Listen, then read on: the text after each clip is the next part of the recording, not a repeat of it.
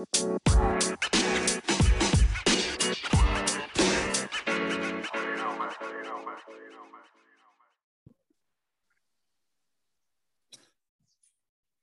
og velkommen til uh, Jordbrukspodden. Um, det er da med meg, Anders Bakke Klemoen, og Ola Li Husby som uh, er med til vanlig. Og i dag så har vi med oss eh, to veldig spennende gjester fra Nord-Norge. og det er Tonje Fjelstad og Eirik Østring. Hallo, hallo. Hallo, hallo. Hei, hei. Hei. Eh, kan ikke de fortelle oss som hører på, litt om eh, dere sjøl? Eh, den situasjonen de er i, og familie, hvor de holdt til, og, og, produksjon? Ja. Vi er jo da Eirik og Tonje, samboere. To, to, barn fra før. Nummer tre på vei. Gratulerer. I desember, så det blir jo jo takk. Det blir full fart. Eh, driver med litt forskjellige produksjon. Eh, hovedsakelig eller stordrift av sau, da. Eh, per nå 300 vinterfôrer. Eh, og i tillegg til det så har vi eh, nisjeslakt, eller nisjeproduksjon av eh, utegris og ammeku. Som er litt, i litt mindre skala, da, som vi egentlig bare prøver oss litt fram. jo, ja, gris har vi nå hatt nå det sjette året. Ja. Um, som vi leverer til Eide handel og selger litt privat. Og så har vi ikke kommet helt i gang med uh, sending og slakt av uh, ammeku ennå, da. Men vi har helt på å bygge opp en slags besetning på det. Ja. Så det er vel stort sett det vi driver med og fyller dager med. og det er, eh, det er, du som kommer fra gården som de driver på nå, Erik? Ja, det stemmer. Det. Kan ikke du si litt sånn geografisk sånn akkurat hvor det her blir en, for de som ikke er så gode på geografi? ja, nei, Det blir jo i, eh, i Målselv i Troms, så de fleste kjenner jo Bardufoss og, og, det her som har vært i militæret. Så det er jo, um, det er jo tre, tre, mil unna der. Og så er det jo med utløpet av Målselva, der hun mm. renner ut i fjorden. Så det er mm. der vi holder til. Ja. Hva er det du vil si eh, karakteriserer klimaet oppe der de driver, da? Nei, det er jo Ja, hva man kaller det? Ar arktisk landbruk, skal jeg sette, sette et fint ord på det. Men det er, jo, det er, jo, det vi har. Vi har jo, eh, det er jo kort sesong, og, og det pusher jo grensen da, på, eh, på hva som går an til å få til på, på marka her, da. Mm. Lange, mørke vintre.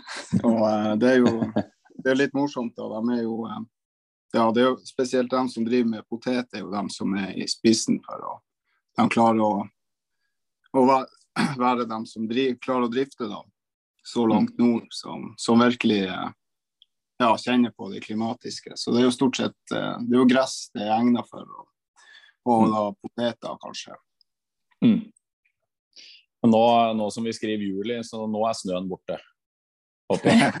ja da, nå er, nå er dyrene på tur opp på fjellet. De, tre, de trekker etter snøen. så ja, det er bra. Nei, de er, det, det, er full, er full gang der. Så.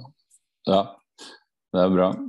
Hei, jeg var eh, eh, Vi har jo som sagt et ønske i podkasten her, og så prøve å favne om hele, hele jordbruket vårt, med helt fra nord til sør og alle produksjoner. og eh, det var litt vanskelig å unngå å legge merke til deg, da, Tonje, for du eh, har jo en Instagram-konto som er eh, relativt synlig. Vet du ja. fortelle litt om det, og hvordan det har gått fram? Ja, uh, jo da, det, det starta jo litt som jeg sa, litt, litt sånn tilfeldig, egentlig. Uh, ikke helt hva som skjedde. Det er tydeligvis noe folk syns er litt morsomt. da. Uh, og selvfølgelig noe annerledes. Det er vel litt det det handler om, å se noe som ikke man ser ellers.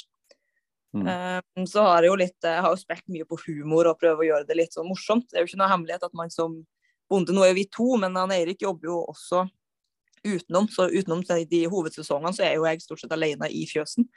Mm. så de aller fleste som er bonde, kjenner jo fort til at det, det er jo lange dager, eller sånn ensomme dager, da. Så det var liksom min måte å gjøre det litt morsomt på. så fikk meg liten sånn venne, heiagjeng og venne, vennskap på Instagram, da. ja, du har jo Så bare smalt det litt til.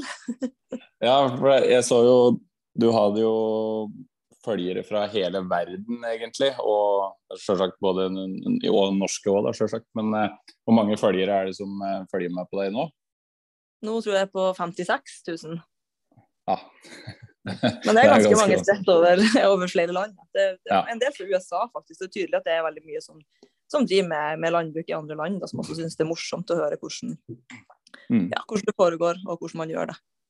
Jeg, så, jeg har jo sett en del Du skriver jo en del tekster da, i forbindelse med de, eh, de morsomme videoene sånn som du legger ut. Så, og du er jo opptatt av mye av det som vi prater om her i poden fra før, virker det som. Eh, det går mye på lønnsomhet og bruksstruktur og alt det. Ja, det... Har, du noe, har, du noe, agenda, holdt jeg på å si? Prøve å nå ut til flest mulig? ja, egentlig ikke. Sånn, det begynte jo egentlig bare med det morsomme, da. Eh, og det, det, det, det, som gjorde at den skikkelig vokste, er jo den ene videoen som er bare tull og tøys, liksom. Eh, jeg vet ikke om dere har sett den, men det er jo, det er jo en som er sett over jeg tror det er seks millioner views. Og det var på en måte der det starta. Og det er jo bare sånn morsomt og tull. Og det, men så um, etter hvert når man så at man kan nå ut til mange, så følte man litt på at man kanskje må bruke den til noe litt fornuftig òg.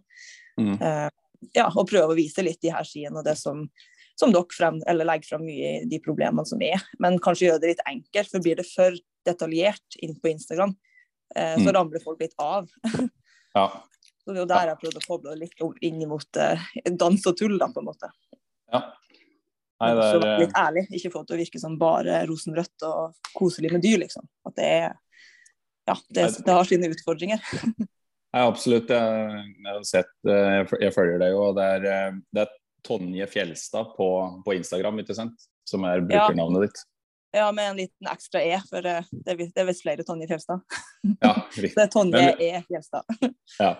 Så hvis de søker opp navnet ditt, så regner jeg med at din, eh, din konto dukker opp med så mange følgere. ja, det kan vi skal, vi skal, linke til kontoen din, så du får enda flere følgere. ja, det er bra. Det er fint med litt norsk òg. Jeg vil ha mer norske. For så vi kan, vi kan bidra med. Um, men uh, når noen følger uh, kontoen deres, og som på en måte er litt hensikten med den eh, episoden her, er, så følger han med på hvordan det er å drive landbruk i Nord-Norge. Eh, og det hadde vært litt sånn interessant å høre fra dere sjøl, hva er det som hva er det de på en måte opplever som eh, både de største utfordringene, men òg som fordeler da, med å drive landbruk så langt nord som det de gjør? Vi begynner med fordelene, da. ja, enig. Vi har veldig fine beiteområder. Ja. Veldig fin utmark. Store ja, fjellområder som sauene Spesielt for vår del sauene, men også ammekyrne våre går jo fritt på no fence-gjerdet. Ja. Uh, ja. så veldig, veldig fine beite, beiter. Ja, vi er, vi er, jo heldige. Vi har jo lite rovdyr og, og stor utmark, så det er jo Vi, eh, vi, får, jo, vi får jo igjen der på eh, på, på lammene, tilvekst på dem. Og... Men akkurat det med lite rovdyr er jo, kanskje, er jo litt sånn Det er jo ikke alle i Nord-Norge som er enig med deg i det, kanskje? Nei, nei, nei men i, i, altså, i våres, i våres beite, ja. beite, da. Du skal ikke så veldig langt unna, for de plages en del med bjørn. Men ja. Eh, det, har dere sikkert, det fikk dere sikkert med dere i fjor. Det var ganske voldsomt. Ja, ja flere år. Ja, ja, Hvor hen, hen, blir det sånn geografisk i forhold til Dick? Eh, det, det er bjørne det blir jo sør, sørover da mot eh, Du kan si du kjører mot, mot Bardu, da. Altså ja, Setermoen. Ja. Så oppi, oppi dalene der så er det jo, har det vært eh, oh, ja, Men det er ikke så langt unna det, egentlig? Nei, det er ikke det. Nei, Nei det, det, er ikke det. Så. Det er derfor jeg sier at det er jo litt sånn vi må Det, det er vi ja. som er veldig heldige akkurat der vi helt heldige. Der har vi lite rovdyr. Uh, ja. ja. Men det er vel det de opplever lenger oppe i bygda, er vel at jo flere som slutter, eh, jo lenger trekker han. Så mm. Eh, han flytter jo på seg, han òg. Mm. Er det er det bra Altså, er det, er det beitenæring i vekst, eller i hvert fall ei stabil beitenæring, eller hvordan er det de opplever det i området rundt dere? Nei, nei, altså det er jo ei beitenæring på, på, tur, dessverre på tur å legges ned. Sånn egentlig er jo det. Det er jo det som er sannheten. Mm. Det er jo uh, tilførslene til slakteriet vårt som, eh, som bare minker og minker for, for, hvert år. Så det blir færre og færre voksensau i, i, i, på gårdene rundt omkring. Mm. Og så har du noen eh, som, eh, som oss som øker på, eller som har økt på. da. Og, mm. Eh, og, og kasta seg på bølgen når den tida var da, om å produsere mer. Mm. Men er dere med i en organisert beitelag, eller slipper dere bare til fjells og har ansvaret sjøl? Si, eller er det noe ja, ja vi, har, vi, har, et beitelag som, som, vi er i. og Der er vi jo tre, vi er tre bønder igjen der. Og og en, en skal nå gi seg nå, og, og det skjønner han begynner å bli voksen mann, så, så han skal gi seg. Og da er vi jo to, to igjen. Men uh, du kan si de besetningene de treffes ikke så mye i, i det beitet, da. Uh, det blir liksom to forskjellige plasser. Så vi, uh, vi får jo ei sånn stor halvøy, kan du si, for oss sjøl som vi må hente. Så vi kjører jo på høsten så er vi vel, en, er vel nesten fem mil en vei å kjøre med bil og henger for å, for å hive på noen sauer. Så. Da er vi jo plutselig litt over på, på, på ulempene våre. ja, ja. Vi har jo litt voldsomme, voldsomme sankinger og, og, veldig tidkrevende, der vi må være ja, begge to egentlig gjennom to måneder minst for å få dem ned. Og enda er det ikke sikkert vi får ned alle på de to månedene. Det er jo noen som er etterslepere. ja, nei, du har det der Du har jo det Ja, så når du eh, når du har eh, mange dyr, så har du jo et eh, du har jo et trøkk og du vet jo ikke hvordan høsten blir heller. For hvis høsten er veldig ja, fin og varm, da, så er som regel dyrene høyt oppi, og de er ikke så de, de, koster mye kalorier, for å si det sånn, for å få mm. tak i dem. Så, så det er jo det er jo det som både blir, blir fordelen og, og ulempen vår. Det er jo det som er litt sånn interessant, for det gjelder jo Jeg vil jo tro at dette gjelder flere. Jeg og noen kollegaer til oss som må drive i området Vestlandet òg, som kjenner litt på det samme. At det er fordeler kanskje både der og, og oppe i området der de bor. altså Det er jo den, den vanvittige utmarka som du har tilgang på. Eh, og kan mm. eh, høste mye fòrenheter derifra. Men ja. så er det vel åpenbart ikke nok stimuli egentlig da, til kanskje beitenæringa, der du har tilgang på beite for å, for å bevare disse her, ja, liksom Ola var inne på, da, beitelaga og, og, et miljø som gjør at det faktisk er mulig å drive. For jeg vil jo tro at det drar på seg ganske mye ekstra timer, slik som de driver når de skal sanke. da. Ja. Ja, absolutt. Og så har du jo sånne ting som eh, også andre praktiske ting som eh, utmarksgjerde og alt det her. Det er, jo, eh, det er jo en stor utfordring mange plasser. Spesielt når du setter inn mye nye dyr, så, så havner de jo på mange rare plasser. Kanskje plager naboene og, og sånne ting. Så, så, det er en del sånne konflikter som, som kan oppstå for dem som har, har ekspandert av den, den drifta si. Litt sånn åpent spørsmål, eh, for jeg vet jeg vi kjenner litt på i området der jeg er ifra òg. Når du driver, når du, de som driver beitenæring, da, føler de at de er litt sånn klamp rundt foten for de som ikke nødvendigvis beiter, kanskje? Det, det, er litt sånn her i hvert fall. At det kan fort oppstå noen sånne litt sånne disputter rundt det. Tenk, kan du tenke på privatpersoner, eller? Ja, eller altså andre som ikke nødvendigvis driver beiting, kanskje. At, at, at, det blir litt sånn Den forståelsen eller den utnyttelsen av utmarksbeite, den er kanskje ikke eh, Det er kanskje ikke like stor aksept for den eh, nå som det var før, da. jeg tror ikke vi merker som en ja, nei, jeg tror ikke vi merker så veldig mye til det, vi i hvert fall. Men vi, vi er jo ikke plaga med sauer som trekker ned, eller det ene området vi gjør det, så syns de jo egentlig bare det er kjempekoselig, for der er det så ødelagt. De er jo alene. Men jeg vet jo andre områder her oppe at, det, at, det kan, at altså Man har jo hørt snakk om det, at, at folk blir irritert da, for det kommer sauer ned i hagene og sånne type ting. Mm. Eh, men der er mm. egentlig vi ganske heldige sånn sett. Vi, det er sjelden vi har akkurat det.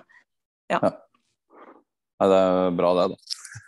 men, men det, er jo, det, er jo, det som er en litt, liten utfordring, da, og terskel med med, med, folk for folk å kanskje starte opp òg, da. For du har jo mm. Du kan jo ta deg eh, Du kan jo være bra sikker på at når du eh, skal fare bort en tur, så, så kommer noen til å ringe deg om at nå er det nå er det noe i hagen min her, så jeg vil at du skal fjerne. så vi, vi, har større problemer med, med kalvene, vi.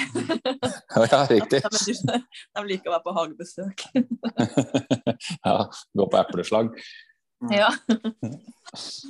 Ja. Når du sier dere har no offense, har dere det på kyrne, eller har dere det på kalvene nå? Eller er det det som gjør at kalvene trekker litt unna kyrne?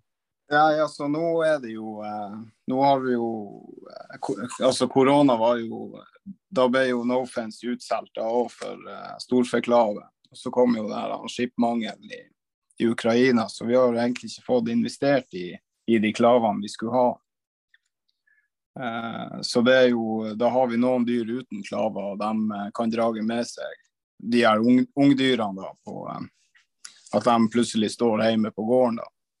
Så. Men vi har jo hovedsakelig på, på mordyrene, da. Ja. Og noen av de unge. Så vi har på 11 17, bortsett fra kalvene. Ja. ja. Mm. Så, så det, det, er litt, litt ja. utfordring at vi ikke fikk tak i nok klaver, rett og slett. Ja. Verken i fjor eller i år. så det var litt uh, ugodt. Men jeg syns, men jeg syns det, det systemet så, så, lenge de har på nok dyr, holdt jeg på å si, så er det et uh, system som fungerer veldig bra.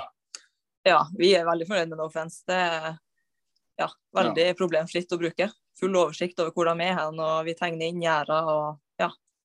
Nei, det er nok eh, det er jo desidert eh, framtida i beitebruk, sånn som jeg ser det. da, Med, med det her at du har eh, Egentlig skulle du ha det til sau òg, men du har jo litt eh, Du må jo svare den, eh, den investeringa, da. Så, så, det har jo hele tida vært drømmen da, å kunne ha det på, på dem òg, men, eh, men, du skal jo ja, du må jo investere, da, så du må jo veie det opp. da, så Det er jo, det er akkurat sån, sånne ting. Men sånn dyrevelferd og og alt det der, så er det jo det er jo ingenting som er bedre enn å se alle, alle dyrene. Og hvis det er noe galt, så, så vet du det med en gang. Eller mm. sånn, du, du har sjansen til å gjøre noe med det. Du har ikke Og, og det har du Du har jo egentlig ikke det sånn som beite er i dag, da, så har du ikke sjanse til Du kan jo gå hele dagen uten at du egentlig ser noe sau, men så vet du at det skal være det skal nå være en 800-900 dyr der oppe. så ja. Men er det, hvordan opplever de batterikapasitet, og fungerer det bra? eller er det? Eh, ja, på storfeklaven så er det jo det er jo 90 der man tar, tar dem av på høsten, så det er jo ja. Den er jo eh, Er det, lad, er det ikke solcellelading på den? Eh, jo, jo, da, det er solceller. Ja. Nei, så de har, eh, de har, løst De har løst det der med, med storfeklaven. De hadde vel litt med innkjøring med småfeklaven, så, men det er visst en ny en på tur der, så du skal Ja, som blir mer energieffektiv. Så. Ja. Og så er det klart For vår del, da, som bruker mye tid på sanking, så ville jo de her Nofens-klavene ha gjort eh, litt revolusjonerende arbeid der for, for vår del. Da. Man kan jo si, snevre inn beiteområdet når det nærmer seg høst, og trekke dem hjemover. Mm. Så det, jo, det, hadde jo vært eh, tidsmessig veldig fornuftig for oss. Har de noe tall på hva det ville kosta å, å, få Nofens på, på saua nå, da? Har de det? Jeg har ikke ferske tall, men når jeg så på det, så var det jo en, eh, det var vel en investering kanskje for, for fem, var det 500 000. Jeg er litt usikker, da, men ta, det, det, var rundt der i haugene. Og så var det jo eh, var det en, en bruks på, i året på litt, den, rundt 100 000, da. Uh, ja. For å i, i den eh, hva, hva, skal jeg si, bruks, eller den avgiften, da, for å for systemet. da. Lisens. Lisensen. Ja. Så uh, altså i, i, en verden der uh, hvis du skulle regne egen arbeidstid, og sånt, så hadde det vært en helt uh, soleklar, forsvarlig investering å mm. ta. da. Men, men nå er jo virkeligheten litt annen enn det. Så ja. Burde kanskje vært noen egne tilskuddsordninger på det der, Ola? For det høres jo ut som en veldig ja, jeg, jeg, tenkte akkurat på det. Jeg har en liten kommentar på det. Altså, Nofence er jo et norsk firma og et fantastisk uh, produkt som virkelig nå begynner å få en bra teknologi. Og da vet man at skal du få ned prisen, så må du få til volum. Her ville jo vært uh, egentlig å slå to fluer i en smekk for den norske stat. Gitt et skikkelig tilskudd på det. Så styrker du beitenæringa og gjør et, en, eh, en, god jobb for selvforsyninga. Samtidig som det er med å få ned enhetsprisen og muliggjør eksport av det systemet her. Så at her burde virkelig regjeringa kjent sin tid og smelte til med et skikkelig tilskudd. 70% av nypris ville jeg foreslått som betaler ca. en tredjedel sjøl. Da tipper mm. vi ville fått solgt mye Nofence. Mm. Ja, det er jo eh, Det finnes vel sikkert òg eh, sånne tilskudd, men det er litt sånn eh, Når du skal søke, så Ja, det, det tar jo tid å finne ut av det. Du skal jo, du skal jo begrunne sånne søknader bra. mm. Når vi er tre stykker i et beitelag og mange tenker og eller som er litt usikre på fremtida, så blir det jo eh, Så eh, ja, det er klart at det mm. Nei, det er det er Vi detter sånn på lønnsomhet hele, hele tida i podkasten her, uansett, uansett hva vi prater om. Men det er jo det er litt sånn det syns jeg, synes jeg ser for meg når du skal prøve å sanke 800-900 dyr ned fra fjellet der, og, og, og, to stykker, så da skjønner jeg at det blir mye, veldig mye jobb, da. Ja, Det morsomste av alt er at i år er jo jeg hakket større, så det blir, det blir en hard høst for han her. ja, jeg skal bidra så godt jeg kan, men det kan jo bli litt tøft. ja. Men du, du, du, driver, du, driver, vel eh, treningssenter òg, gjør du ikke det? Så du er, du er litt sprek fra før? Jo da, jeg, jeg, jeg har vel litt, litt uh, bakgrunn innenfor det, så det skal nå gå greit. Har vært i grei form tidligere òg, på de som har vært, så jeg tror vi skal, vi skal få dem ned, i hvert fall. Ja. Men det verste er, det, vi har jo en del områder som er ganske sånn ekle, altså bratt og skummel. Så det er klart man blir ikke riktig så, um, ikke, riktig så tøff i trynet og mobil når man uh, mm. har en stor kul på magen, så man må kanskje være litt mer forsiktig. eneste. Tilbake litt på den når de Ja, det er, det er, bratt. Jeg vet jo at det er fryktelig bratt og, og ulendt der. Um, etter å ha vært noen turer oppi der. Men føler de at uh, den Altså, har de, har de, en god tilvekst? Har de noe data på uh, Føler de at det beite som de har tilgang på, da, det gir den tilveksten som de ønsker på, på lamma?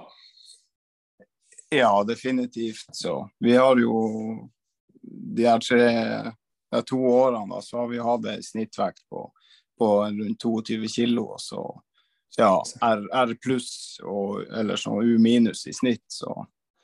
Og da, da, plukker vi dem jo ned fra beite fra, fra september til, til snøen til tvinger dem ned de siste, da. Så det er jo Ja. Så, så de, ja, nei, de utnytter den utmarka veldig godt. Ja, det er mye store fine som kommer hjem. Ja. Det er en enorm ressurs her med, med den utmarka. Og det er jo da eh, Når vi prata litt sammen her eh, i, i, går også, eh, er det jo den her eh, prisløypa, da. Som sikkert òg en del i indre Østlandet kjenner på, som òg de òg da mest sannsynlig kjenner på. For du sier at de begynner å hente inn igjen dyra i september. Og da er det jo, da er det jo på nedadgående kurve i forhold til det, eh, det, det, tillegget som er på lam, er det ikke det? Ja, toget er gått, da. så, så, du får ikke Nei da, du klarer ikke å hente ut den, eh, det de ber om, rett og slett. Det, eh, ja, du taper, du taper tilvekst òg, men du, du, har jo det fôret du skal ha til vinteren, må du begynne å ja, Hvis du ikke har noe vanvittig gode beiter hjemme, da, Mm. At du kan ha den gående ute på, på bra beite når du har henta dem ned. Så, så, må du jo begynne etter hvert å tilleggsfòre dem. Mm. Så der er jo også sånne ting som som det her Nofence ville løst alle bekymringer.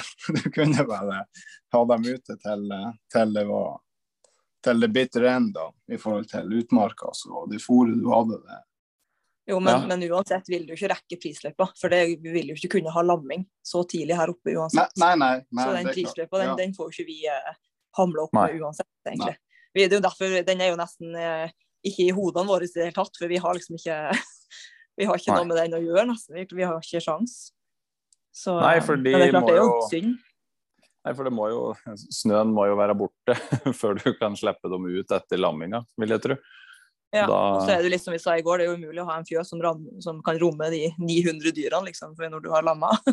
Så Ja. eh, Ja, Ja, nei, det og når du har fått eh, lamma nå, så er det jo eh, Altså, det her at jeg får ut og gå ut på grønt, så er det jo det Det er jo det aller beste for at du får en så jevn eh, vekstkurve på dem. Du har ikke at du eh, står inne med store lam og skal Ja, så må du Du må jo tilleggsfòre de her eh, søyene bra da, med kraftfôr og, og sånn, så det, det, det, det koster fort mer enn det smaker. Det er litt vanskelig å og liksom eh, skal erstatte den beitet og det utmarka.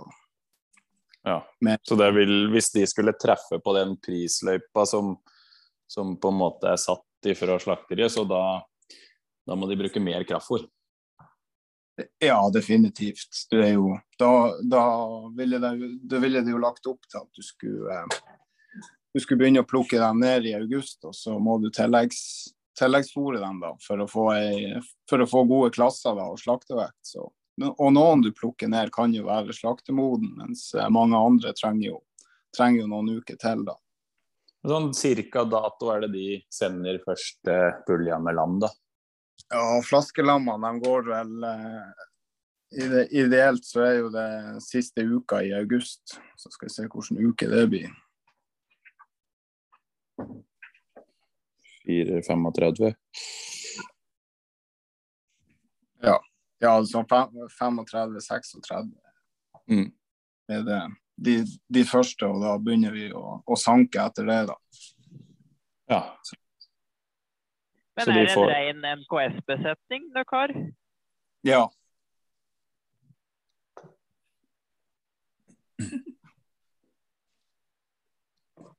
Så da begynner de eh, Så det kan faktisk hende at det er en del av de lamma som de sender, så sender de faktisk eh, imot slutten av september, da.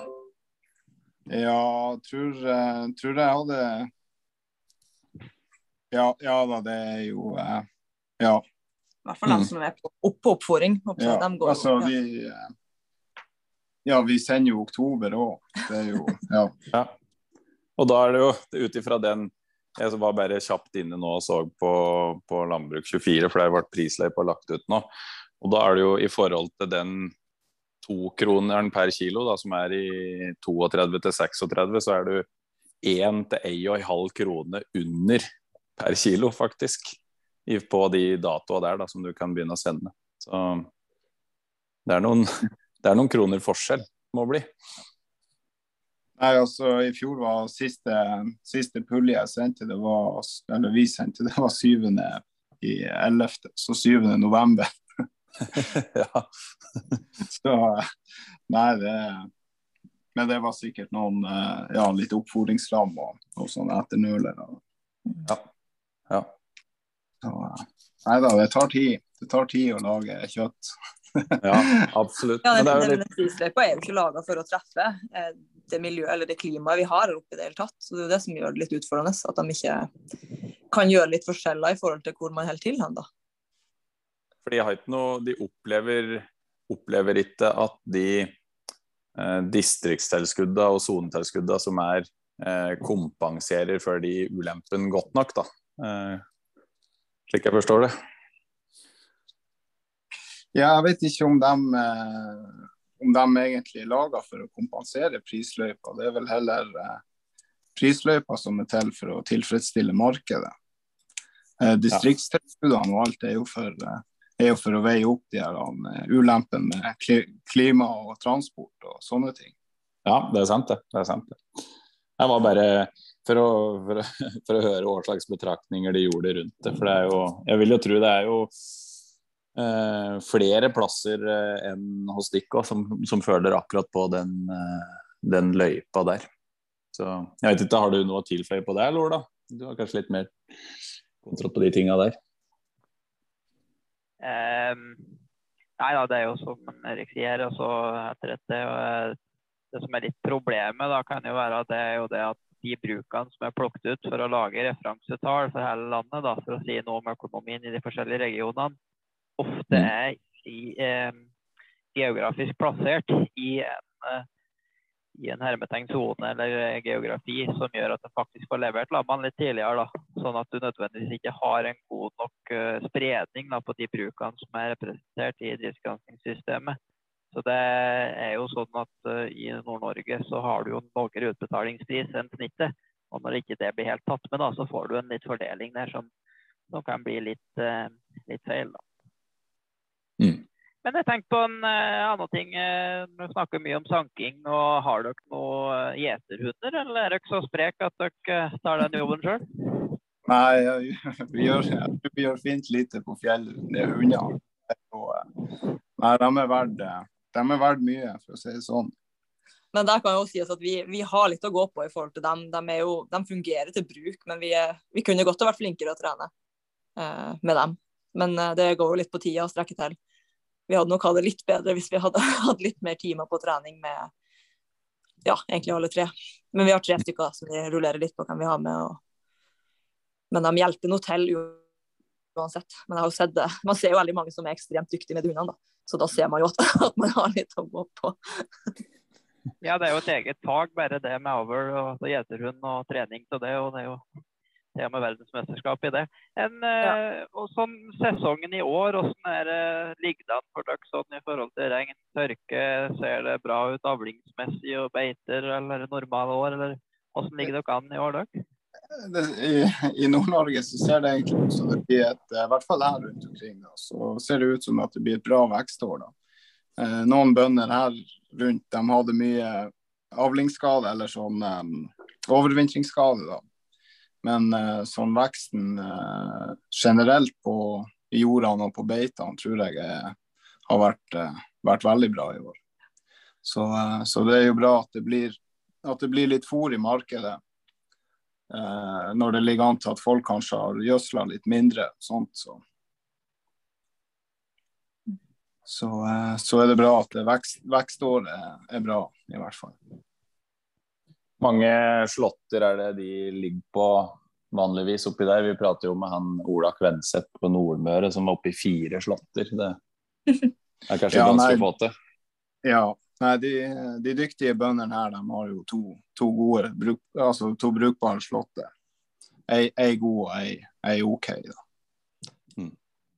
Så, uh, så, for vår del så har vi brukt å slå det én gang, men uh, nå har vi, nå vi fornya litt, da, så, så vi kun, kan vel kanskje ta to hvis vi hvis vi får ut gjødsla når vi skal og sånne ting. Så på runde nummer to. Så. Hvordan opplever de Opplever de på en måte skikkelig bakkefrost før snøen kommer, eller kommer snøen som regel dumpende ned? Nei, det kan være litt eh, frost. Det, mm. det kan det. Så, men eh, det der er jo lotto, og det er jo De siste årene har jo snøen kommet senere enn før, egentlig. Ja. Man kommer jo bare senere og senere. Ja. ja. Mm. Ja, det hjelper på når du får noen uker ekstra før alt snur ned rundt deg. ja, det vil jeg tro. Er det hva slags, slags vurdering er det de gjør rundt eller, ja, frø, Er det noen spesielle vurderinger rundt frøblendinger og ja, timotei-sorter osv., eller er det? Ja, vi har jo, det er jo den eh, Engmo heter den vi har, den timotei. Og det er vel noe som tror jeg var eh, utvikla i Salangen, faktisk. Så det er jo en sånn nordnorsk timotei-sort som, som, er det vi, vi bruker, da. Mm. Mm. Som, og, som, skal tåle, tåle overvintring bra. Mm. Og de har jo rumballer, vil jeg anta? Ja, de... det er det det går i. Mm. Så det er jo en av de utfordringene som er. Men nå, nå skjønte jeg på deg i går at det er ikke nødvendigvis bare her, da. Men vi har jo veldig lange avstander til jordene, og lite jorda rundt om gården. Så det er jo mm. mye, mye lange avstander. Utstyr skal fraktes opp og ned tur og mm. tur, og til slutt rundballer hjem. Og, så det er jo, der er jo en stor kostnad for å holde på. Mm. For oss da her oppe, i hvert fall. Det er jo ikke blitt rimeligere med drivstoffpriser og det som er. Men så var det Jeg husker ikke Ola, om det var på eh, Om det var når vi satt og førte med på et årsmøte eller hva det var for noe, men dette her med maskininvesteringer i nord, eh, så er det ofte slik at du hvis du, hvis du, skal kjøpe deg noe brukt, da, det var jo diskutert som på en måte en slags eh, utfordring da, ved å drive i nord. At Hvis du skal kjøpe deg en ny maskin, så har du ofte en veldig stor fraktkostnad for å få den tilkjørt. Eh, og så I tillegg, så når du skulle selge igjen noe brukt, så var det ofte at du opplevde at du måtte ha en lågere utsalgspris fordi at det kom på frakt f.eks. sørover igjen. Det, var, det, var det på Bondetinget som, som, det var tatt ifra talerstolen? Ja, stemmer det. var en representant fra Finnmark som omtalte de utfordringene. En annen ja. utfordring, jeg vet ikke hvordan det er i deres eh, område eh, i forhold til tilgang på entreprenører, om dere er avhengig av å ha eget utstyr, eller hvordan er det?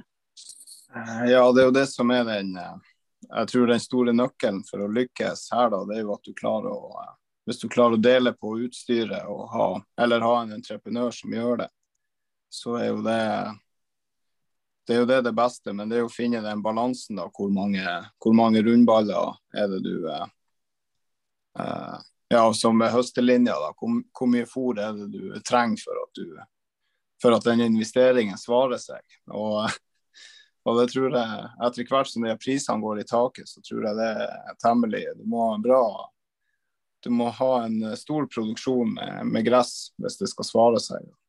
Men sånn for å svare på spørsmålet, så er jo ikke det den tilgangen her, da. Vi har jo stort sett hvert vårt utstyr, alle mann alle. Det er jo ingen, ingen, som leier inn, eller noen leier inn, ja. men det er jo lite ut av det. Ja. ja. Det, det, er jo litt sånn eh, når eh, sesongen blir så ja, altså ved vind, vinduet for å gjøre slåtter, spesielt hvis du vil ha god førsteslått med bra fortørk, så, så er jo det vinduet relativt lite, da til du skal ut på og få det inn gresset. Så. Jeg ser som I fjor da hadde vi en eh, sommer som det omtrent regna hele sommeren, og ei uke med kjempevær. Så eh, hadde man vært flere som skulle få tatt slåtta med, med samme utstyr, da, så tror vi hadde hatt et problem. egentlig. Da var dere borte hele uka i strekk for våre jorda. Ja. ja. Ja, det, det, det, det er utfordrende det der. Så med det hadde vært økonomisk smart, men kanskje vanskelig praktisk her oppe. Jeg vet ikke. Ja. Mm. Er det mange Er det forskjellige typer produksjoner eh, eh rundt dikt der? Så det er noen som driver med ku som skal høste så tidlig som mulig før det har skytet, holdt jeg på å si. Og så er det, er det veldig mye forskjellige slåttetidspunkter, eller åssen er det? Ja, det, det, er jo det er sånne ting som kunne vært eh, vært gjennomførbart. Da, så, sånn som vi med sau og, og kubruk da, delte på utstyret. Mm. Så hadde du kunnet, ja, kunne ha gjort det vinduet litt større. da. Vi har to mm. ganske store melkebruk ganske nært. Ja, det er jo stort sett melk, melk det er her oppe. Ja. Mm. Så de er egentlig Ja, du Mange var de som drev med sau slik i nærområdet deres, eller grena deres? Nei, nå er det jo kun vi og en, eh, en litt eldre herremann litt lenger, eller bare noen kilometer lenger opp. Eh, men han ja. har ingen som vil overta, så han har vel egentlig sagt at han legger ned i år. Ja. ja. Så da blir de jo alene på, på den, eh, kall det halvøya, egentlig. Ja, hva blir nærmeste da, Stian? Jeg vet ikke hvor langt unna det blir. Ja, det blir, ja, det blir et annet beite. Det er jo samme du kan si det er jo samme område, men det er et annet beite, beiteområde. da. Ja. Mm. Mm. Så, men det er noen. Det er jo noen igjen. Ja, du prater på det at han, han, hadde ingen til å overta, han, eh, han naboen deres, holdt jeg på å si. Men eh, de òg er vel i en sånn overdragelsesfase, fordi eh, de drifter fjøset slik det er i dag, ikke sant? Og er i en overdragelsesfase. Ja, vi har jo vært det nå i vi har holdt på Det blir tredje året vi har sau, da. Det fulle hele ansvaret for det. Mm. Og, eh, og, det er jo eh, å bygge opp denne driftskapitalen vår. Så sånne ting har jo vært, vært målet med det, da. Så vi ikke skulle få alt på en gang. Men så var det uh, så i, etter i fjor hadde vi hatt full, full gass hele året da, og ja, egentlig bra bra, altså bra resultat på produksjon både på gris og sau og, og sånt. da. Ting, ting har gått, gått greit. da, så når, det, når den store tida kom til å evaluere det her for å se hvordan vi kan gjøre det med, med selve overdragelsen og, og, det, da, kan, hvordan gjeld vi kan svare med det, så, så hadde jeg, hadde jeg hatt brilleglass da, så hadde jeg sittet og sett over dem. jeg så på tallene. For det, det, det, er et regnestykke som er Det er vanskelig å få til å gå opp, egentlig, når du har eh, Når du legger inn den eh, tidsfaktoren og hva du faktisk bruker av tid på å oppnå det her. Mm. Så sånn som, eh, så sånn som for, å, for å svare den Uh, vi, da var det jo uh, forespeila en relativt sånn beskjeden sum da, i forhold til uh, verdiene på gården. Men, uh, mens mm. i forhold til, til, det man kunne bydd da, så var det jo så hadde det jo vært sånn at en av oss måtte ha full jobb utenom, i tillegg til to årsverk med sau og mm. ja, og sånt, da, for å svare, for å svare det. Hvis vi skulle mm. ha, gjøre det som vi hadde eller gjøre det som vi ønsker med å ja, få ordne oss et hus og sånt. Så, så mm. klart det, det, koster. Det koster i dag. Ja, for de har jo Drifta deres har gjort uh, ei investering, en nyinvestering på, på fjøs, ikke sant, til, til saua. Og, ja. Mm. Og det er jo litt som uh, jeg ser bare kikka litt sånn kjapt innover, for den Ola nevnte på serie referansebruka òg. Det som på en måte jeg har sett på eh, som, som, jeg, som, jeg, tror gjør at folk ikke helt kjenner seg igjen i de tallene som skal gjelde da, for eh, spesielt sau. Nå vet vi jo at sau og korn og ammeku har jo på en måte vært forsøkt løfta nå, fordi det er, de har anerkjent at de har li lenger bak. Eh, men du ser spesielt det på eiendelssida på, på sauebruka så ligger de eh, veldig lågt. Og det kan tyde på at det er altså det er, eh, at det ikke er mange nyinvesterte eh, sauebruk, da, eh, ettersom eh, eiendeler er så lave som de er. Jeg ser på 100 og, 150 vinterfôra, så skal du klare hele driftsapparatet for eh, snøtt to millioner. Altså, da prater vi om fjøs, maskiner, redskap, alt mulig. Og det er vel litt i Kanskje litt i minste laget, Ola? Ja, jeg vet ikke. I nord, det, hvis dere snakker om å bygge dere et nytt hus òg, så er det det er vel betydelig dyrere enn det er sørafor. Og det, med de byggekostnadsøkningene vi har hatt, eh, det er vel vanskelig å få bygd et eh, enebolig for under fire millioner, vil jeg tro. Kanskje fem-seks sånn må ha. Ja, vi har jo sett på det. det er at Vi bor jo egentlig nå i huset etter hans besteforeldre, så det er jo ikke stort nok til oss. Så Nå har vi jo som sagt en familieforøkelse igjen, så det er jo allerede for lite. Så vi har på en måte mm. ikke et, et, valg når det kommer til hus. Vi er nødt til å etablere oss med, eller få tak i et større hus da, på noe vis.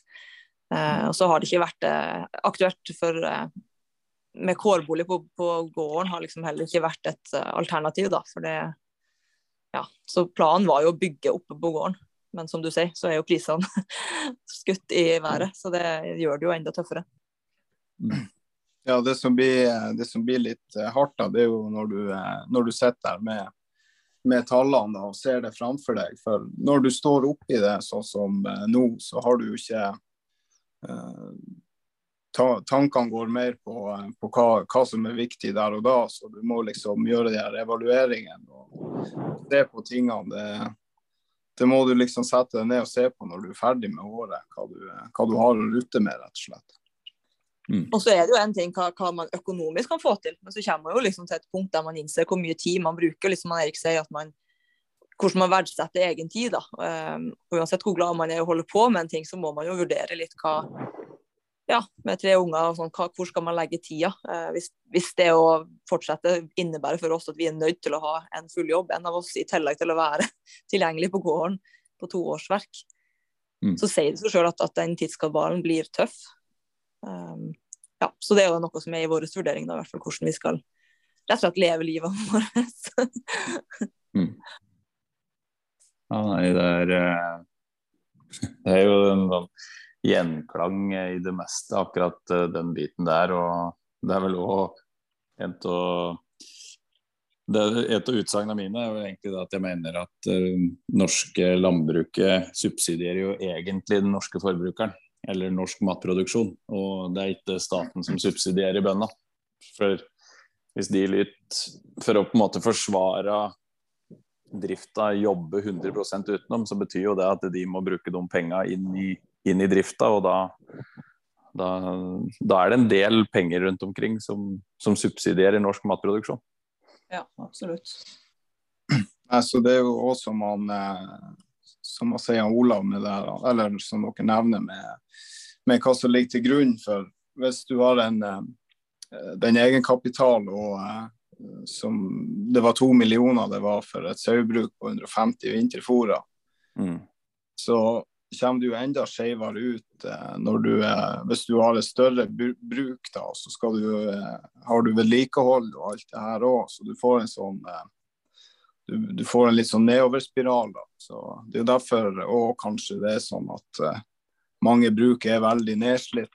Og det er litt uh, ja, hvis noen skal ta over og, og gå på, så, så, er det investering som skal til. Også. Mm. Man er jo til en viss grad avhengig av å effektivisere både fòring og alt hvis man skal, skal holde på. Altså, jeg vet jo enda om bønder i dag som har oppimot 200 vinterfôr og sånn trille-trillebår med fôr. Liksom. Det er klart det er tidkrevende. Mm. Det, kreves, det kreves litt i det også. Åssen har vi havna dit da, at vi har 200 vinterfôra og, og ikke ikke nødvendigvis gjort om investeringen som skal for å lette arbeidsmengden? Er det Nei, det er jo det vi er tilbake på det her eh, hvordan du eh, hva du beregner tida di er verdt.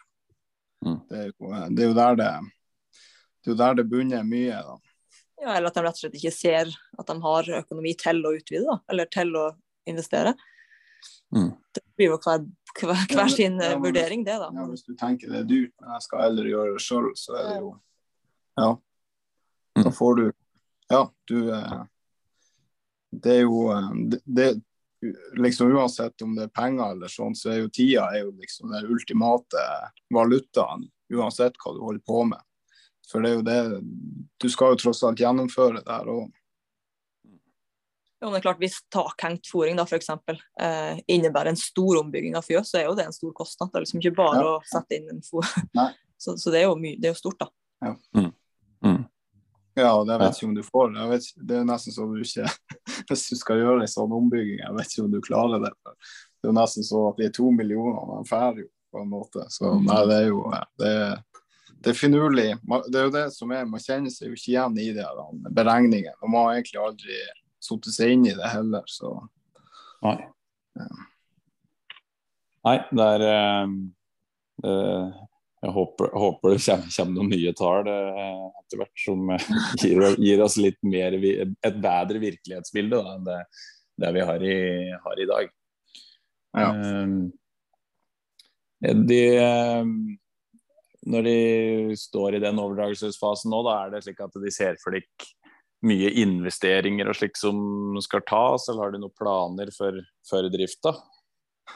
Nei, ja, altså hvis vi skulle ha holdt på ja, Hvis vi skal fortsette å, å være med, da, så er det jo eh, eh, Sånn som det er nå, så hadde det jo egentlig vært Eneste alternativet for vår del hadde jo egentlig vært å redusere og finne liksom den balansen. Når er det du hvor, er det du slutter å, å tjene, da? Når blir det egentlig Eh, hvis de 150 sauene ekstra bare eh, fører med stress og høye kostnader på å hente fôr langt unna, så, mm. så, er det jo et eh, Da gir det jo ikke mening å, å ha det, på en måte. Stemmer. Så, så det er jo den balansen der da, som, som man måtte ha funnet ut. og ja, og det er jo alltid noe som skulle vært dyrka opp nært, eh, nært gården og, og, sånt, da, så du hadde mer, mer jord nærmere. Mm. Men investeringsmessig for oss ville det mest vært å kjøpe det utstyret, da? Og, ja, det er det utstyret som er, da. Så, ja, for, å, for å kunne, kunne, fortsette å drive. Og det også, det, jo, det begynner å bli gammelt utstyr. Det nærmer seg jo 20 år snart. Så. Ja. Der han rundballepress og sånn, f.eks. Så, så da er det du som Du er anleggsmekaniker, er du ikke det? Jo, jo. Ja, det er du, det er du som holder det, holder det gående, da. ja, ja, ja. Nei, det, det, er akkurat det som er. Så, så man, har det, man har jo sine Alle har jo sine fordeler og ulemper, og det, er jo en, det har jo vært en, en, en stor fordel å kunne, å kunne holde det i gang da, for, å, for å utsette den investeringa. Mm. Det er da han ikke må sammenligne timesprisen på, på, på skruinga med det, og det han gjør heller. Da får man en dårlig natt. ja. ja hvis, du skulle, hvis, du skulle, sendt regning på det du har der du jobber eh, ellers, på det samme som du skrur på garn, da hadde vært noen serviceutgifter da, vil jeg tro? ja, nei, det vet, vet du at jeg, jeg er bare helt overredd over, over den som står på ja, og klarer å, klarer å, svare de utgiftene de har på sånn å leie inn hjelp til, til skruing og alt mulig. Det, jeg tror det er mye flinke bønder der som, som trykker på og, og, kaster seg i det og, og reparerer og fikser sjøl. Mm. Men det, det, er jo rett og slett Du har jo ikke noe Du må jo bare gjøre det. Har, det er ikke så mange som har noe valg. I tillegg så, ja, så er det tida òg, da. Mm. Når du står der og da og må få det opp og gå, så Mm. Så Nei, så det er, mange, det er mange yrker under det bondeyrket. Det er, det er, litt, ja. Eh, det er sånn stor kontrast i forhold til hvordan det er verdsatt. da. Altså ja. i, i, verdi, da, i f.eks. Eh, i sånn mm. Uh, arbeidstid, da. Hva du er. Mm. Så det er Absolutt. Nei, man, ja.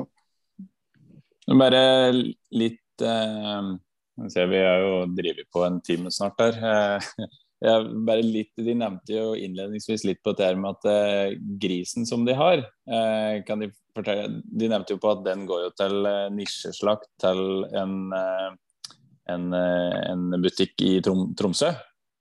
Ja, det stemmer. Det, er jo, det er jo en avtale vi har med, med Eide Handel i Tromsø, som er, som er en butikk som, som drar fram det det lokale og de, de, ja, de gode varene da, fra egentlig hele landet. Så de er, et, de er anerkjent for det de holder, holder på med. Fordi Jeg har litt lyst til å løfte deg litt fram òg, fordi eh, både fra de videoer som, som Tonje legger ut på Instagram, og slik, og så ser vi at de er jo veldig opptatt av dyrevelferd og at dyra skal ha det bra. Eh, og kan du fortelle litt om, litt om den, de grisa som de har, for de har vel utegris, har de ikke det? Ja, vi begynte jo for en seks år siden. Første mm. pulje, 2016, ja. Eh, da vi fikk ei pulje med hovedsakelig sommerstid. da. Eh, så vi begynte jo de første årene, så hadde vi hele sommersesongen og leverte inn mot jul. da, Og solgte vi hadde vel den avtalen med Eidehandel allerede da, uh, hadde ikke det? Jo. jo. Så vi har jo levert Eidehandel helt siden vi starta opp, så det er vel det som har gjort at vi kan, kan holde på med det vi gjør der, da. I tillegg til at vi selger privat. Så det er jo det å få la grisen gå ute. De går ute fra de kommer til oss. Med mindre de kommer på vinterstid, da har vi dem inne den, de første ukene mens de ennå er litt små. Uh, og så går de ute. Eh, tilgang til Vi har ordna vann som man har laga til med varmekabel og så det er jo fri tilgang på vann. Og så har vi isolerte hytter, så de gangene det er med ute, det, det er kaldere, da, så ligger de i, i det og varmer opp ganske greit sjøl.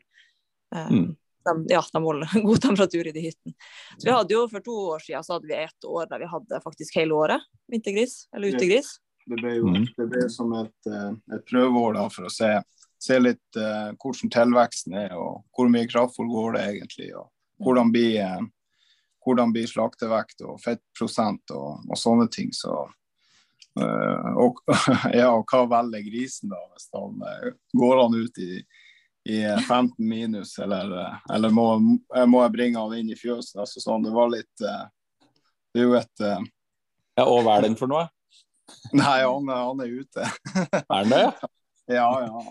Han, han, han, går ut, han. Det er ikke noe og Det ser ikke ut som det bryr han. så Nei, han var ute og grov i snø og spiste snø, selv om de hadde vann opp seg, sto og tygde på snø. Og... Ja. Men de går jo selvfølgelig også inn og sover. De, de sover jo mye. Så de, de, da ligger de jo omtrent oppå hverandre og, og varmer opp. De, men det gjør de jo innendørs òg. Så, så, det virker absolutt som de trivdes. Og det, ja, det var jo bra tilvekst og, og fettprosent bra, men det er klart at det, det, i, det, i et bilde der, sånn som hvis du skulle ha levert på avregningspris, så, så klarer du ikke å matche med utegris, og så svarer du ikke lønnsomheten med Hvis du fôrer opp slaktegris på sommeren og, og selger til slakteriet, så, så er det Ja, du Jeg vet ikke, jeg tror ikke du har tror det, det, det, er ufattelig lite per gris du, du kan sitte igjen med da, til å svare resten av kostnaden. Så det blir direkte salg som gjelder da, for å, å selge til dem som faktisk verdsetter dyrevelferd? Mm. Ja, ja eller, eller, vil ha den. Det blir jo en litt annen vare òg. Sånn. Det er jo eh, De fjøsene rundt omkring har jo, god, har jo god dyrevelferd, og det er jo flott gris vi får levert og sånt, så det er jo ikke noe mm. Det vil ikke si at eh, ikke dårligere, men det er veldig stort. Altså, folk, det, mange vil jo kjøpe fordi at de vet at grisen går ute. og det er jo noe, Folk syns jo det er veldig fint og flott å se de her bildene og videoene av grisene som står og graver. Ja, men det må man huske på mange sammenligner jo kanskje med det verste man ser innendørs. da. Eh, det er jo veldig ja. mange griser som har det fint innendørs også.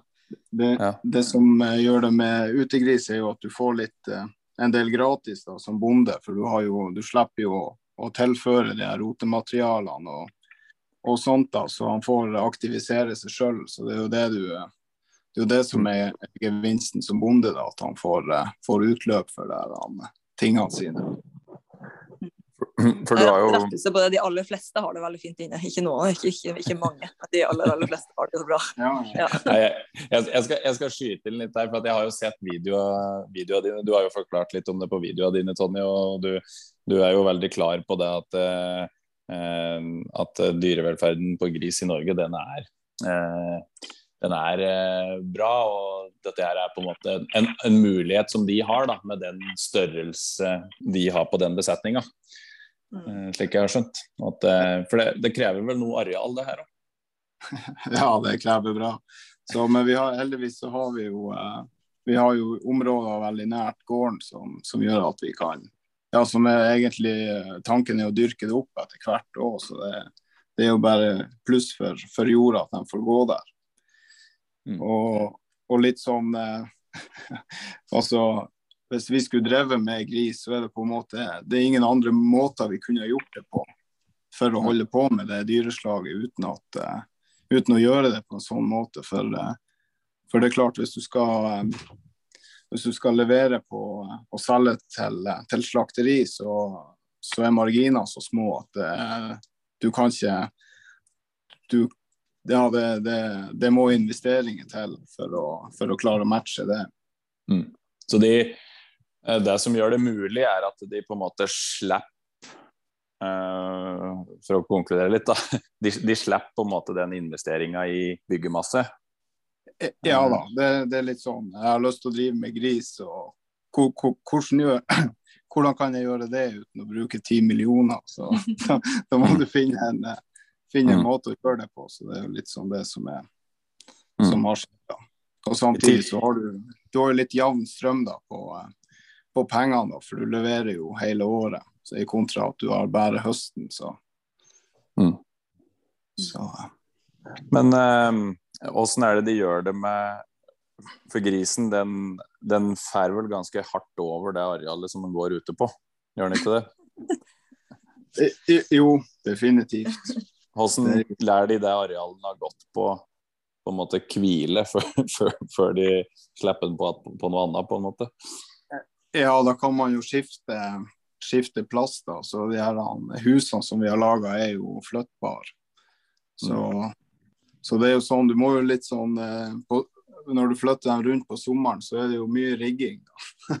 altså, ja. du, og, og du, eh, det er jo sånne ting som man lærer etter hvert, da, men, eh, men du verden når høsten kommer og det blir litt sånn regnværsperioder, sånt, så, så, må du også ha gjort eh, grunnarbeidet bra. Hvis ikke så, så må du begynne der i regnet og, og begynne med flytting igjen. for det ja, for de graver noe så helt vanvittig når det blir eh, vått. Altså.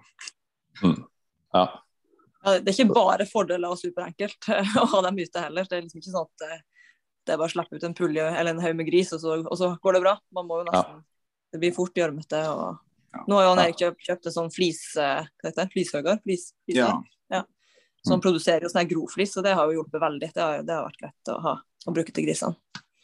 På sånne områder da, som det blir utfordrende. Det blir mye trakk på, så du får. Men det er jo også fint, for du får jo klippet ned den skogen som står og stanger inn mot, eh, mot deg overalt. Så, så du, får jo, du får jo brukt eh, Det er jo litt det som er, du får litt eh, helhet i det. da. Så du får jo du ivaretar jo landskapet, og så får du brukt den flisa til noe også. Mm.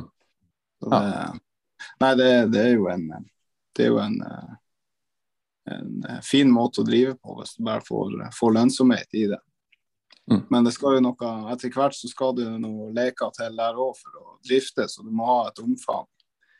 Og i tillegg så er det jo eh, Vi er jo eh, Det tror jeg han Ola har sagt før, at det er jo er sånne nisjeproduksjoner. Vi er jo prisgitt at sånn som Nortura, aktør som Nortura er å holde på. For vi har jo ikke sjans til å, til å eh, altså slakte og, og levere gris for den prisen som, som de kan gjøre til oss. Mm.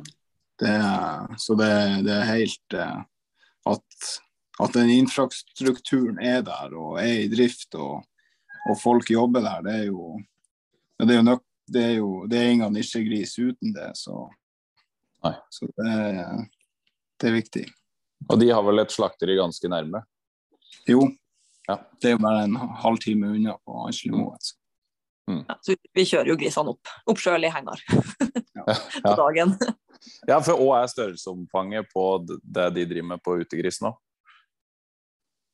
Nei, nå, akkurat i år så har det vært litt underskudd på smågris i markedet, så jeg vet eh, sannelig ikke hva vi ender opp på. Men sånn som i fjor så hadde vi vel en 240 eh, gris i løpet av året. Mm. Så det er sånne fem i uka som er det vi, eh, vi sikter Ja. på. Altså slakte fem i uka. Ja, til Eide, ja. Så får du mot jul og høstsesongen, der er det flere private som kjøper. Det er da det Ja. privatsalget Mm. går opp, holdt på å si. Ja. Og der har vi jo egentlig veldig mange som, som kommer igjen år etter år, da. Og det er jo litt veldig fint at folk Mm. er interessert. Interessant. Ola, har du lyst til å Er det noe du brenner inne med nå som vi passerer timen straks? Nei, Jeg syns det er veldig interessant å høre et ungt, driftig par som både driver med volum, nisje, og som syns dette er interessant og, og, og brenner for det de holder på med, og har planer og tanker og, og gjør mye riktig. Men samtidig så evner de jo å tenke over at her er det faktisk ganske mye innsats som trengs. Og, og gjøre seg opp noen vurderinger, liksom. Skal vi gønne på å leve det livet med arbeid, arbeid, arbeid, eller så står litt ved det som oppfattes som et litt sånn veiskille og tenke seg om litt. Og det er jo kanskje et signal til dem som styrer dette landet. Her er det flinke folk som ønsker å ta vare på utmarksressursene, som ønsker å produsere, som ønsker å levere og jobbe med det her. Men du, må jo sørge for at en familie oppi der kan ha et godt liv utenom gården og ha mulighet til å følge opp ungene sine og, og ikke bære arbeidet, tenker jeg, da, for å få det her til å, til å gå rundt. Da. Det får være vår oppfordring at, til politikerne til å virkelig lytte til sånne folk. Da. Det, det var rett og slett vakkert, uh, Ola. det må jeg si. Jeg tror Eh. Vi snakka i går Ja. Vi snakka litt om det de her utfordringene med nord. Nå vet ikke jeg om det er spesifikt for nord, men tenkte litt på det her med, med dyrlege og tilgang på eh, ja, dyrlege på vakt. da. Mm. Der er jo vi kommet i en litt sånn situasjon i Målselv der dyrlegene er ganske vi, vi er veldig, De er veldig dyktige dyrleger og veldig fornøyd med det. si. Eh, Men Mm. de er jo veldig åpne om utfordringer de har med å faktisk kunne levere den vaktordninga pga. så lange avstander og få bønder. Mm. Det er jo også en, sånn, en utfordring vi har kommet litt opp i nå. Da, og sånn som vi merker det, eller det vi merker på det, er jo det at det kan ta litt tid før du får hjelp. For hvis du ringer og har et akutt eh, tilfelle, og de er i andre sida av dalen og helt øverst i kommunen, så tar det tid. Mm. Eh, Og for deres del da, så er det jo litt uøkonomisk, for de tilbringer jo mesteparten av tida i bil og får gjort lite besøk, egentlig. Mm. Så det er jo en sånn der som har oppstått eh, som en eh, eh, hva skal jeg si, som et resultat av at veldig mange har lagt ned. Da. For da blir det også færre dyrleger som kan være på samtidig. Eller de har vel bare én på vakt. Ja. Så det, det er sånn som dyrleger, eller sånn, de er ganske åpne om til oss da, at, de, at, det er en utfordring for dem å få til et bra opplegg på. Så jeg vet ikke hvordan, dere, hvordan det er ellers i landet, da, men det er noe vi har merka det siste, spesielt året, kanskje. Nei, det er, eh, det er ikke noe mer enn lenger unna en eh, nabo, nabodalføre her, holdt jeg på å si, Østerdal nå, som de har vært i, i tilsvarende, tilsvarende situasjon nå nylig. Eh, ja. Der det dukker opp eh, at du skal ha ja, rett og slett patruljere hele Østerdalen på vakta. og Det, det blir, også, ja, blir, på en måte tilsvarende avstander som det du prater om. Ja. Eh, så det er ikke bra. Men nå er det de fra, fra oppsummere litt da, og, og, rundt den problematikken der. Eh, hvordan skal vi unngå at flere og flere legger ned, da? Sånn at vi bevarer de bruka som vi har, i hvert fall har nå. Slik at vi slipper å havne i den situasjonen der det ikke er dyrleger og ikke er naboer eller noen ting. Ja, si det. ja, nei, han som kan svare på det, han jo, gjør det godt. Nei, altså det, det begynner jo det begynner jo med hvem, hvem, som skal, hvordan ser det ut, og hvem som skal være bønder. og Alle, alle som eh, kan, har liksom eh, sterke sider som gjør at de kan være gode bønder, de, eh, de har jo alternativ, andre alternativ til jobb, som ja, maskinførere og tømrere og andre praktiske yrker. og de, de er jo verdsatt på en helt annen måte. Mm. I tillegg så er det jo der uh, spørsmål om kapital. Eh, altså, hva, hva, skal du, uh, hva, skal du, legge i det for å få en arbeidsplass? Så, så du på, på, et, på, et, eller annet vis så konkurrerer du jo litt sånn med andre yrker òg, da. Så, uh, og det er jo litt som du har sagt mange ganger, at når man først har vært innom et annet yrke, så vet man jo litt hva, hva det innebærer, og hvordan mm. goder man har der da, i forhold til hva man faktisk har i, i landbruket. Mm. Både med, ja, med, sykdom og graviditet og alt det som hører med. Mm. Mm. Nei, er, uh, vi får håpe det her uh, snur litt. Når vi får litt mer, litt mer riktig tall og forhåpentligvis en bedre lønnsomhet. Og som Ola er inne på, at vi, de som uh, organisasjoner som, som, er der for oss, og, og, skal, og, og lokale politikere må stå på for at vi for vi bevarer den, eh, den, bruksstrukturen vi har i dag, og at vi kan drifte norsk landbruk og norsk matproduksjon fra, fra sør til nord, uh, uavhengig av produksjon og størrelse. Ja, men jeg tror absolutt at den åpenheten som på en måte er blitt rundt det, eh, og det er kanskje litt i start med bondeopprøret, og ja, flere og flere tar kanskje til mæle mot at det er tøft, og man skal ikke stå der og, og late som at det går kjempebra hele tida. Mm. Uh, at det også er veldig bra, for jeg får iallfall inntrykk av at flere og flere får forståelse uh, mm. for at det faktisk ikke er god lønnsomhet. For tidligere så var man, man jo vant til å få det at vi har ikke noe styrt om vi får jo så mye penger fra staten. Altså, det er jo mm. sånn, jeg vet ikke hvor mange som, som sier det, og det, jo, det, har jeg jo fått fra en ganske anerkjent uh, fyr i kommunen òg, liksom, så man blir litt sånn satt ut av at, at, at sånne kan sitte på det inntrykket. da. Uh, for det er jo absolutt ikke tilfellet da vet de jo ikke nok om det til å de bare konkluderer i det. da. Og så er det jo litt sånn ja, ratt, litt fort at de tar det her, og dere har store maskiner og bla, bla, bla. Eh, så det ser ikke ut som de mangler penger, på en måte. Nei. Det er liksom det stempelet bøndene rundt om får, da. Eh, mm. Og det er jo ikke helt korrekt. Nei. Nei. Nei, hvis det, var, hvis det var veldig fett å være bonde, så, så ville vel neppe så mange ha lagt ned, da tenker jeg, da. Så det er litt sånn, ja. Ja, Det er jo litt, litt de signalene som kommer nå, da, og at flere og flere tør å snakke om det mer åpent, og sånn som dere tar det opp litt i, ja, mm. i alle sidene av det. Da, og at det faktisk er det er det som er realiteten. Mm. Mm. Nei, men da Da var vel det en god, god avrunding, det? Ja, det var det jeg følte på. Eh, vil du si litt om eh, neste episode og runde av, Ola?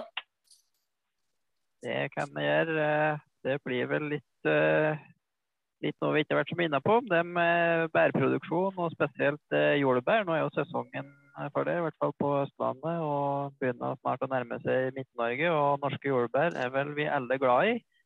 Men eh, dessverre så har jo produksjonen gått mye ned. Så der er det store markedsmuligheter faktisk for ja, vi trenger ikke bygge fjøs faktisk for å utvide produksjonen eller få til arbeid for to på en gård. Det finnes andre muligheter òg, og det skal vi kanskje komme litt nærmere inn på da. Mm. Så da sier vi takk for at dere fulgte oss, og tusen takk til dere to fra nord som var med. Og så ønsker vi dere lykke til videre med den prosessen dere er inne i, og lykke til videre med sesongen. Jo, takk for Hei, det. Veldig gøy, veldig gøy å bli med. Ja. Takk, takk. Jo. Ha det bra. Ja, Ha det. ha det godt.